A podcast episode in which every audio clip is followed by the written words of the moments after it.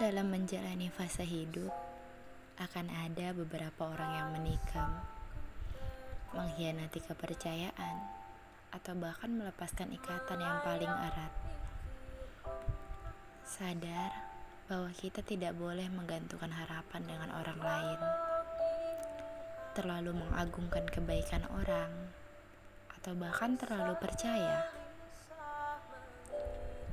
Genggam tangan orang tersayang kamu jika kamu tahu rasanya menjadi korban, jangan pernah berpikir untuk menjadi pelaku. Tidak ada kejahatan yang tidak menyedihkan.